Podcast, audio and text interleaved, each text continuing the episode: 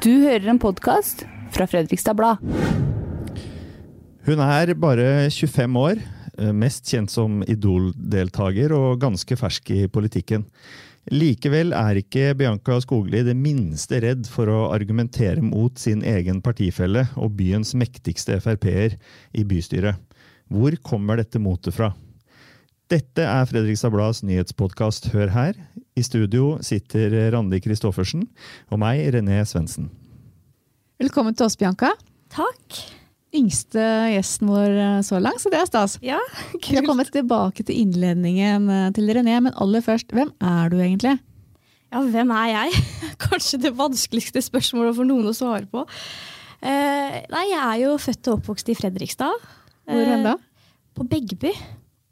Har eh, altså både mamma og besteforeldrene mine og alle har bodd på Begby i, ja, i alle år.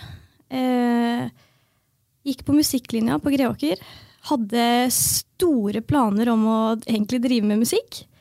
Fikk prøvd meg ordentlig på liksom egentlig øverste nivå, hvis jeg kan si det. Fant ut at det var egentlig ikke noe for meg i det hele tatt. Eh, og jeg ville tilbake til skolebenken, og jeg ville drive med helt andre ting. Og så jeg endte opp i politikken, da. Og i politikken, da, så, så var det sånn at da bystyret nylig skulle stemme over eh, et forslag eh, til liberalisering av eh, flaggloven i Norge, så stemte du mot Bjørnar Laabak, som er i din egen partigruppe. Hvorfor gjorde du det? Ja, når, vi, når vi skulle diskutere den saken her i gruppa, så var vi allerede veldig uenige allerede der. Og jeg, eh, jeg ba om å fristille gruppa. Eh, fikk flertall for det. Eh, fordi eh, ikke bare er det viktig for meg som liberalist, men jeg er mye mer moderne i verdisyna mine enn kanskje mange av de gamle konservative etablerte. Eh, og så har jeg jo på en måte min fartstid i FPU. Eh, og FPU er på veldig mange måter en stor kontrast til altså Frp, da, til moderpartiet. Vi er generelt mye mer eh, Altså vi er litt rundere i kantene eh, og har eh, ja, moderne verdisyn og er liberalister av, eh, av hele hjertet. Eh, og det, det er jo egentlig bare litt gøy også, fordi jeg må bare fortelle en litt morsom historie fra landsmøtet til FPU i 2017. Så skulle vi vedta eh, partiprogrammet vårt, da. Og før vi skulle votere, så reiste alle Frp-erne på første rad seg opp i protest og gikk ut fordi de ville ikke stemme over partiprogrammet vårt. Fordi de syntes det var så liberalt. Altså Det var jo bare god stemning, det var ikke noe drama, liksom. Men, men det sier litt da om hvor, hvor store kontrastene kan være. Eh, og så utfordrer vi hverandre. Og jeg kom jo da liksom inn i Frp og inn i en gjeng her i Fredrikstad Frp som har vært med kjempelenge, og som er så etablerte. Og da kommer jeg liksom der inn som en ung, superliberal FPU-er og liksom, ja eh, Utfordrer dem litt da, på det der, eh, spesielt de konservative tinga. Eh, og det blir ikke alltid god stemning av, men, men én ting jeg har liksom lagt merke til, er at jeg blir veldig eh, respektert. Og jeg blir hørt, og jeg blir tatt på alvor. Og det er noe jeg egentlig ikke hadde forventa. Altså jeg tar ikke det for gitt, men det, men det syns jeg er veldig veldig fint. At de, at de hører på meg, og at de eh, ja, godtar at jeg har litt andre meninger. Og, og de hører på meg og tar det i betraktning. Og eh, ja, jeg får liksom også endra en del ting. Så jeg får liksom litt gjennomslag, og det er veldig, veldig gøy. Ja, hva, hvilke mekanismer i Fredrikstad Frp er det som, eh, som gjør at uh, en sånn ja, gjeng med uh, godt voksne mennesker, da, som uh, på, har, har liksom eh, en eh, eller annen sannhet for hvordan ting eh, skal være, og, og et sett med holdninger som ganske, sitter ganske hardt i ryggmargen. Eh, hva er det som gjør at de allikevel høre på eh, 25 år gammel eh, eh, jente som kommer inn i eh, gruppa deres på den eh, måten som du da beskriver?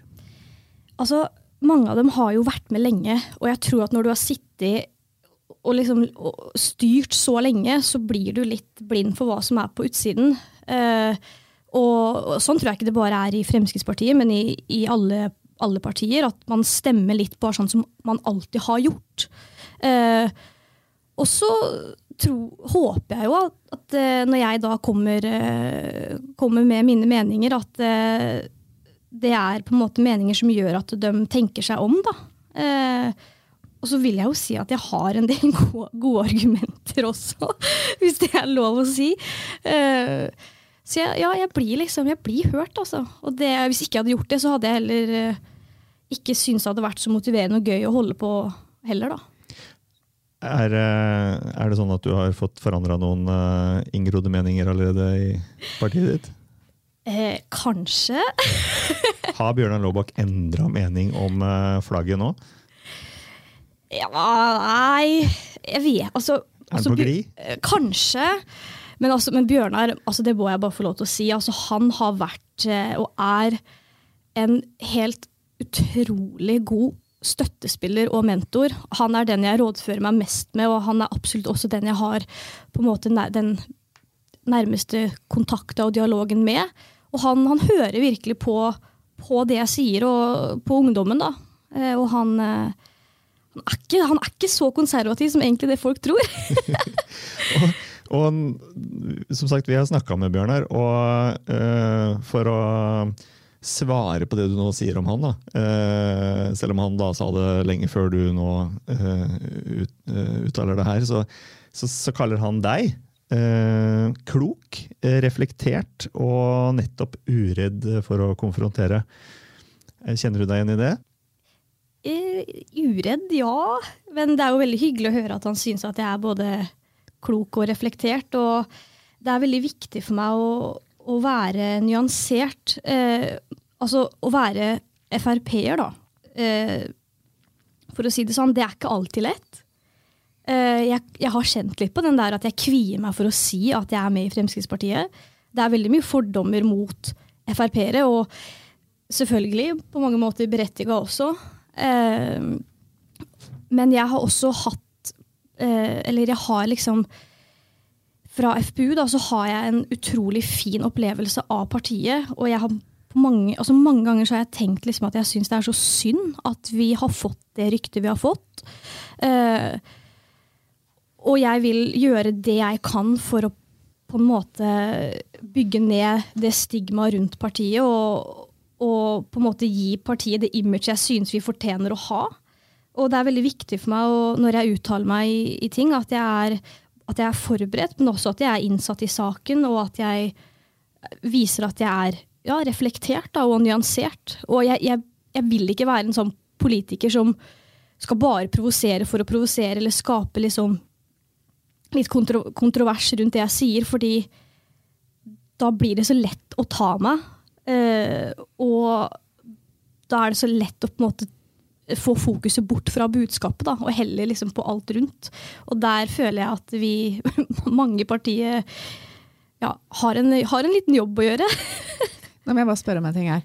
Når du sier at du ikke Du vegrer deg for å si hvilket parti du tilhører, er det sånn at det er vanskeligere øh, å si det til en 25-åring enn en 50- og 70-åring? At det er mer akseptert for en 50-åring at du er en Frp-er? Jeg vil faktisk svare nei.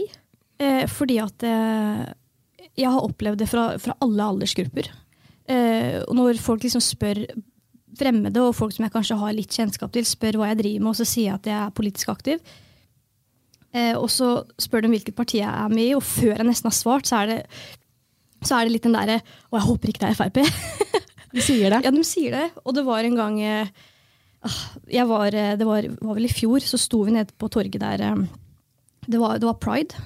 Eh, og så skulle jeg da gå bort til, til boden til eh, de fra Skeiv Ungdom.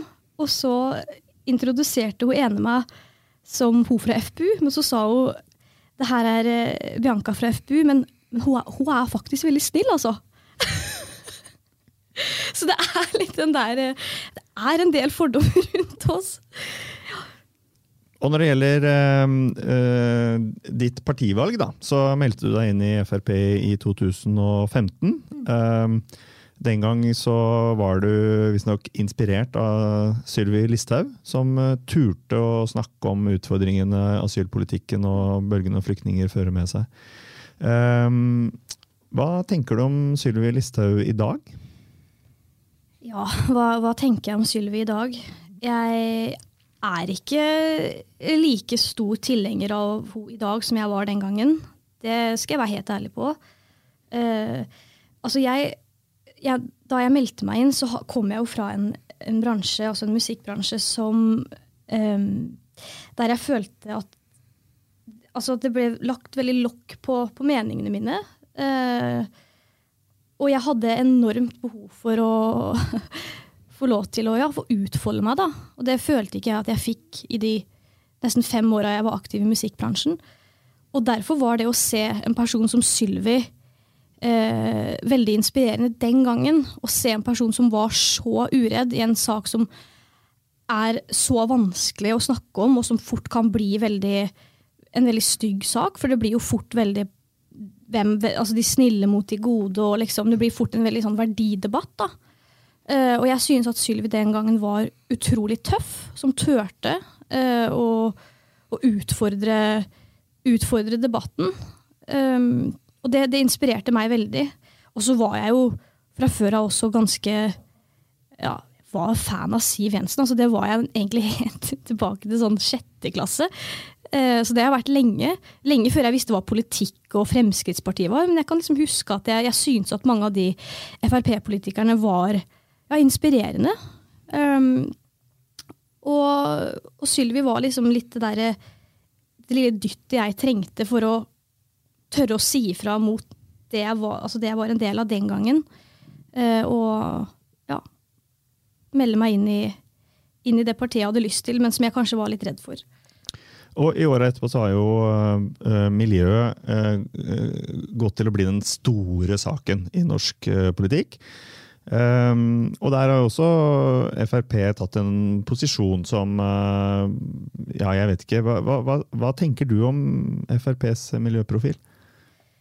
Altså, På papiret så synes jeg at vi har veldig mye god klima- og miljøpolitikk. Hvordan vi alltid Altså hvordan vi uh, leverer budskapet vårt, syns ikke jeg alltid er så bra. Og, og, det er en av de sakene i, bys, i, i gruppa mi i i, her i lokalpolitikken jeg, hvor jeg ofte sier at vi skal ikke stemme imot det forslaget her bare fordi at vi alltid har stemt imot klima. For der er, der, er, også jeg eh, ikke alltid enig. Jeg synes at det kommer mange gode forslag. Eh, for eksempel så synes jeg det forslaget om eh, elsykler, denne leasingordninga til eh, kommun, kommunens ansatte, var en kjempefin sak. Det stemte vi imot! det hadde jeg ikke så lyst til.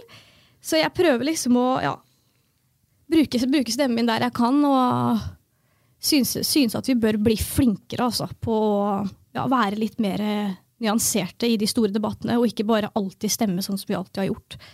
For det, det tror jeg ikke egentlig vi har noe å tjene på. Men du virker jo opptatt av miljø, eller du er jo opptatt av miljøet. Mm. Er Frp det riktige partiet for deg? Den debatten der har jeg hatt mange ganger med meg sjøl.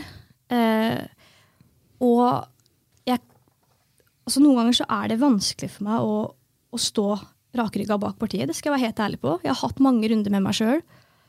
Men så vet jeg Jeg prøver alltid å minne meg sjøl på hvorfor meldte jeg meg inn. Eh, og hva er viktig for meg? Og, og, hvilket parti vil jeg på en måte få mest utbytte av å være med i, i forhold til de meningene jeg har? Og da føler jeg alltid at Fremskrittspartiet er det riktige partiet, sånn rent politisk, da. For hva er det viktigste for deg? Det viktigste for meg er frihet til enkeltmennesket. Valgfrihet, og spesielt da i eldreomsorgen. Eldreomsorg er liksom det viktigste temaet for meg, og var derfor jeg også meldte meg inn. Eh, og så er det mange av de sakene til Frp som, som traff meg veldig. Sånne enkeltsaker som eh, Eller enkeltutsagn, som at man skulle flytte eh, off, altså mobberen og ikke ofre og sånne ting. Um, og, og, så har jeg alltid egentlig satt veldig pris på den direkte retorikken som er i Fremskrittspartiet. Jeg har aldri likt den der rundt grøten-retorikken, eller de der overfladiske svada-talene og innlegga. Uh, Så, så, ja, jeg føler liksom at jeg er jeg, jeg tror, Det er ikke noe annet parti jeg kunne vært med i. Men da, um, partiet vil uh, ha deg inn i et hovedutvalg, og du endte i oppvekstutvalget. Det høres jo riktig ut. Hva er det du ønsker å oppnå der? Altså, det er jo et utrolig viktig utvalg. Og et veldig stort utvalg. Og det jeg syns har vært spennende å se, er hvordan eh, tidlig innsats i skole og utdanning og kunnskap, hvordan det direkte henger sammen med levekår, levekårsutfordringer, helse, fattigdom, alt det her. Eh, hvordan å se den røde tråden, eh, det syns jeg har vært utrolig spennende og veldig sånn eh, ja, øyeåpnende, liksom. Um, og så ha, var jo også mobbing da, en av de sakene jeg eh, valgte, altså, som var veldig viktig for meg. Um, så jeg er veldig glad for at jeg får lov til å sitte der og påvirke det. Fordi at ja, mobbing det, det forekommer i Fredrikstad-skolene. Vi skal blant Eh, diskutere det etterpå i oppvekstutvalget i en, en av sakene. Og jeg syns det er en del skremmende lesning der. Eh, fordi Flertallet i oppvekstutvalget de stemte jo imot deg når du foreslo et kommunalt mobbeombud. Hvor irritert var du da? Veldig. Veldig irritert. Eh, altså det jo har vært en sånn hjertesak for meg lenge, og en veldig viktig sak for FPU. Og det er en viktig sak for Frp. Eh, og jeg synes at argumentene som kom mot, var så svake. Eh, det at eh, det kan være vanskelig for foreldre å vite hvor de skal henvende seg. Altså, det er sånne ting som kan veldig enkelt løses med god kommunikasjon og dialog. Og at vi har et mobbeombud i Viken, syns jeg heller på en måte ikke er godt nok. Fordi at mobbing skjer på lokalt plan. Og da synes jeg også at det skal holde seg til det lokale. Og det andre, siste argumentet var vel at eh, det kan være vanskelig for det mob kommunale mobbeombudet å opptre partisk. Eh, jeg mener upartisk. Men så har vi jo mobbeombud i andre eh, kommuner, lokale mobbeombud, som funker. Og det, det sto jo til og med i saken at eh, de kommunene som har mobbeombud, har svært gode resultater. Så jeg synes at det var veldig, veldig skuffende. Men er du blitt mobba selv? Ja, det har jeg. Eh, men eh, det var eh, fra, fra lærere. Det var Det var verst på ungdomsskolen. Og Altså, jeg har aldri vært en sånn svak elev, verken faglig eller sosialt. Og jeg Altså, jeg var på en måte Allerede da så var jeg en litt sånn uredd person. Jeg turte å liksom stå imot uh, røkla, og jeg turte å si ifra allerede da. Uh, og det falt ikke helt i, smak hos den læreren, da. Og det var uh, Ja. det var ikke egentlig før i tiende klasse, jeg, og da hadde det pågått i tre år, hvor jeg virkelig liksom helt totalt knakk sammen. Eh, og det var også på en måte en av grunnene til at jeg meldte meg på Idol. For å på en måte for, formidle liksom det jeg hadde vært igjennom gjennom musikken, og få snakke om det på en helt annen plattform. Og det fikk jeg jo virkelig gjøre, da. Eh, og jeg fikk, jeg fikk, litt hevn, altså, det må jeg si. Jeg fikk tatt igjen i både Se og Hør og VG og alle de store, store avisene og fortalt historien min. Men det jeg syns var litt sånn ah, irriterende, var at det, det var først etter at jeg gikk til media da, og fortalte om hva jeg hadde opplevd, at skolen tok kontakt og ringte og spurte har du hatt det sånn her i tre år. Ja, Du nevnte jo her, eh, Bianca, at eh, det du opplevde på, på skolen eh, var medvirkende til at du meldte deg på Idol. Um, og du var med Idol, kom helt til finalerunden i 2011. Og det endte på den måten her.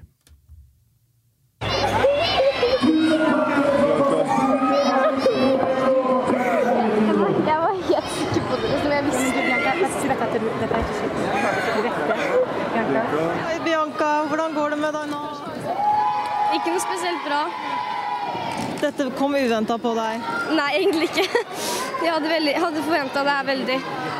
Men eh, Ingen av, do ingen av dommerne skjønner noen ting over at du røyket. Er det, hva tenker du om det? jeg vet ikke. Hva tror du det var som gikk galt i kveld? Nei, jeg vet ikke.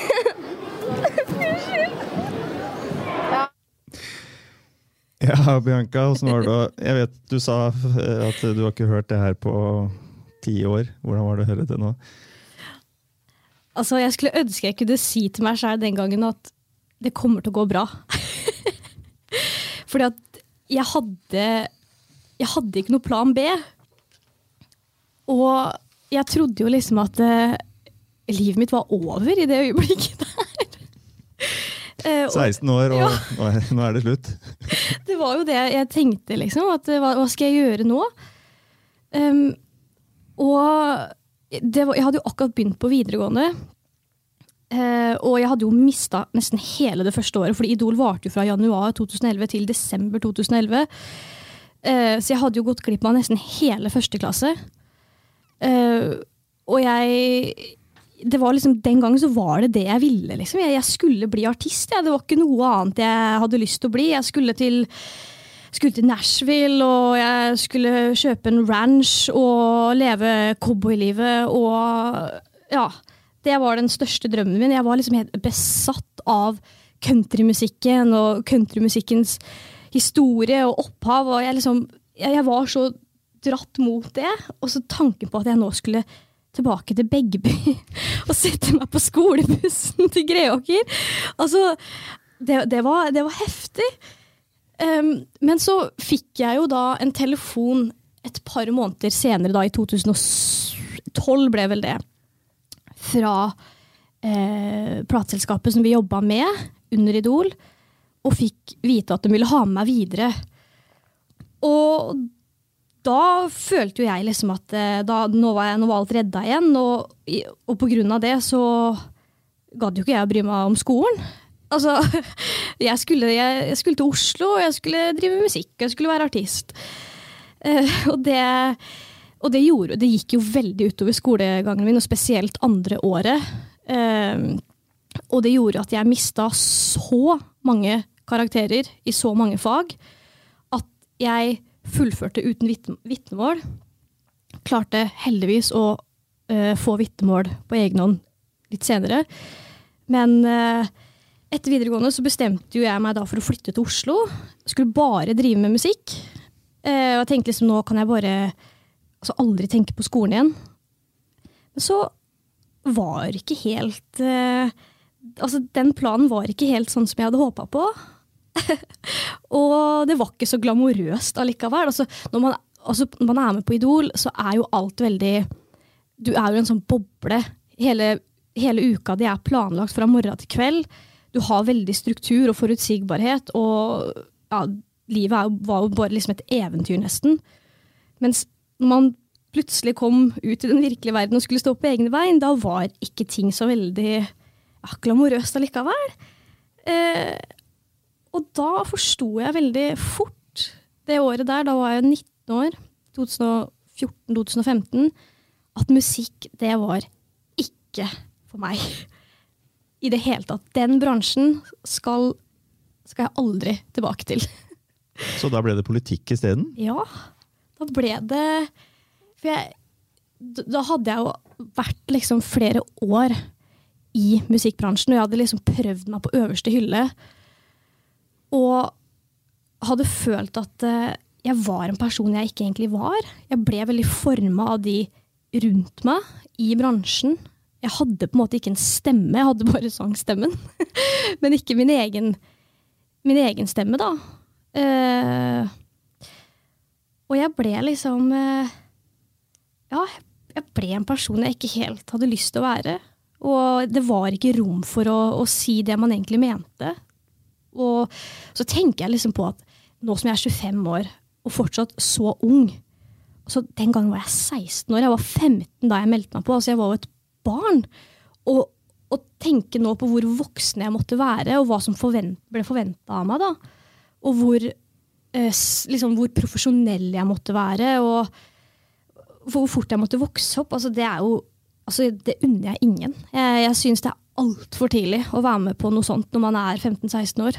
Fordi eh, Hører du på klippet der nå? Tenker at det er litt synd på den jenta? Veldig. Veldig. Altså Nei. Men jeg, altså Noen ganger så tenker jeg at jeg angrer veldig på at jeg var med og meldte meg på. Fordi det ødela på mange måter veldig mye for meg, spesielt i forhold til skole, da. Eh, men så vet jeg at hvis jeg ikke hadde meldt meg på, så er det ikke sikkert at jeg hadde vært her jeg er i dag heller. At liksom alt har ført til hit jeg er nå, da. Er Du hadde ikke sittet i den podkasten her, ikke sant? Jeg hadde ikke sittet Du har oppnådd det. Og så en annen ting som slo meg når du fortalte nå, det er jo at ringen er litt slutta òg. For du har jo kommet inn i et lokalparti i Fredrikstad med en virkelig countryelskende Bjørnar Laabak. Så dere har vel funnet hverandre i, i musikken der? Vet du hva? Vi, jeg var hos han eh, på kontoret hans i, på, på mandag. Eh, skulle gå gjennom oppvekstutvalget. og så endte vi opp med å sitte 45 minutter og bare snakke om countrymusikk. Du sa noe i stad om at du fikk ikke lov til å være den du var. Bruke stemmen din. Hva er det ikke du fikk lov til å si? Altså, jeg husker veldig godt at sånn midt inne i alt sirkuset, etter jeg hadde liksom vært med i sånn tre-fire måneder, så gikk det opp for meg hva jeg var med på. Og jeg var, altså jeg var 16 år og kjempeusikker. Og jeg var jo livredd, men det var det ikke rom for. Det var ikke rom for å på en måte vise at du var litt svak. Eh, og så husker jeg at jeg fikk litt kjeft av TV 2-produksjonen. Der de sa at jeg måtte, jeg måtte fremstå litt mer takknemlig. Så husker jeg tenkte, men eh, jeg, jeg, er jo, jeg er jo bare 16 år og er helt satt ut. Jeg er borte hjemmefra, jeg har ingen her, jeg kjenner ingen. Eh, jeg, er jo- jeg er jo livredd, liksom. Men det var, det var ikke rom for å på en måte vise noe som helst liksom, tegn til, til svakhet. da. Eh, og hvis jeg på en måte uttrykte det, at jeg ja, var litt eh, Jeg var litt redd, og da ble det liksom sett på som utakknemlig. Og da fikk jeg liksom den derre du, du er heldig, du er liksom Du er ti. Altså du er en av de ti av de 6000 som meldte seg på. Vet du hvor mange som har lyst til å være der du er? Um, så, og, og også etterpå, i liksom etter Idol, da jeg begynte med all den studiojobbinga og den personen som var forventa at jeg skulle være, da, det var eh, litt sånn ja-person. ja-person. Nikkedokke. Ja, rett og slett. Du har jo ikke lagt eh, sangen helt på hylla ennå, vet jeg. For du synger på sykehjem. Ja. Jeg eh, Hvis jeg synger nå, så er det fordi at jeg vil, og ikke fordi at jeg føler at jeg må. Eh, og jeg syntes at det er så lite som skal til for å bedre eldreomsorgen. At uh, jeg tenker at eh, hvis det er noe jeg kan bidra med, så gjør jeg det. Og jeg vet nå hvor mye sang og musikk gjør på sykehjem. Uh, og jeg har vel sunget der nå fire eller fem år på rad. På både sykehjem i Oslo og også sykehjem her i, uh, i Fredrikstad. Og, og det å komme dit og se liksom at alle sitter lina opp, spente og klare. Og, altså det er bare så utrolig koselig og givende. Og så er det egentlig litt tøft. Fordi jeg velger jo litt sånn låter jeg tror mange altså som vil treffe et litt eldre publikum. Så er det mange som gråter, og, for det tar det tilbake liksom, eh, til ja, deres barndom igjen. Og Eh, Du har jo selv en bestemor som ligger på, bor på sykehjemmet Fredrikstad. Ja. Hva synes du om eh, kommunens strenge besøksregime nå i koronatiden? jeg har sendt en mail eh, til kommuneoverlegen. Ikke fått noe svar. Eh, der jeg, jeg ber ikke om å åpne opp over natta, men jeg ber at de ser på mulighetene for å utvide det. Nå har jo også Bent Høie vært ute og sagt at besøksordningene på sykehjem er for strenge. Han har eh, også sagt at kommunene selv kan ha myndighet til å bestemme hvordan besøksordningene skal være. Eh, og kommuneoverlegen var vel ute i går senest og sa, liksom, kom med en gledelig nyhet at nå er smitta stabil og, og nede igjen. Og jeg føler jo at nesten alt i både samfunnet og lokalsamfunnet er åpent, med selvfølgelig forbehold om at smittevern og sånne ting overholdes. Men sykehjemmene er fortsatt eh, strengt regulert, altså i forhold til besøksordninga. Og, og jeg har jo vært der eh, mange ganger nå og besøkt bestemora mi, og det å se fra gang til gang hvordan hun forfaller den, på de dagene vi ikke er der, altså det er det er brutalt. Og, og, det å komme inn på sykehjemmet og se de gamle, og, og se hvordan de altså, nesten bare har gitt opp. Du ser det i blikket deres. Eh, at de er eh, at de er ensomme, at de er deprimerte. Og det, det Ja, jeg, jeg, syntes virkelig at nå må, vi, nå må vi ta noen grep. Fordi pårørende er en så uvurderlig viktig ressurs. Eh, og det er ikke akkurat sånn at de som sitter på sykehjem, har all verdens tid heller. Eh, tida renner ut. Og jeg er veldig bekymra for at folk skal rett og slett dø alene. Eh, så jeg, jeg, håper innstendig at eh, de snart eh, ser på muligheter for å utvide og la folk få lov til å være sammen igjen. Jeg er litt nysgjerrig nå. Er det, er det politiker du skal bli når du blir ordentlig voksen? Jeg vet ikke. Jeg, jeg, var jo ikke egentlig forberedt på å komme inn i, inn i bystyret og, og, i lokalpolitikken heller. Eh, men så ser jeg jo hvor lett det er på en måte bare å bli sittende og sittende, så, så lenge man på en måte Ja, at det er interesse for deg, da, og at, du, at folk vil ha deg der. Da. Så jeg, det er jo mange som sier liksom at nei, plutselig så bare fant jeg ut at jeg har sittet her i sju år. Så det kan hende at det skjer med meg òg, jeg vet ikke. Men, eh, men, enn så lenge så synes jeg at det er veldig gøy og veldig givende. Og det er gøy å se hvordan, hvor egentlig kort avstand det er fra et vedtak til at, til, til at det faktisk blir liksom satt ut i, ut i livet. Da.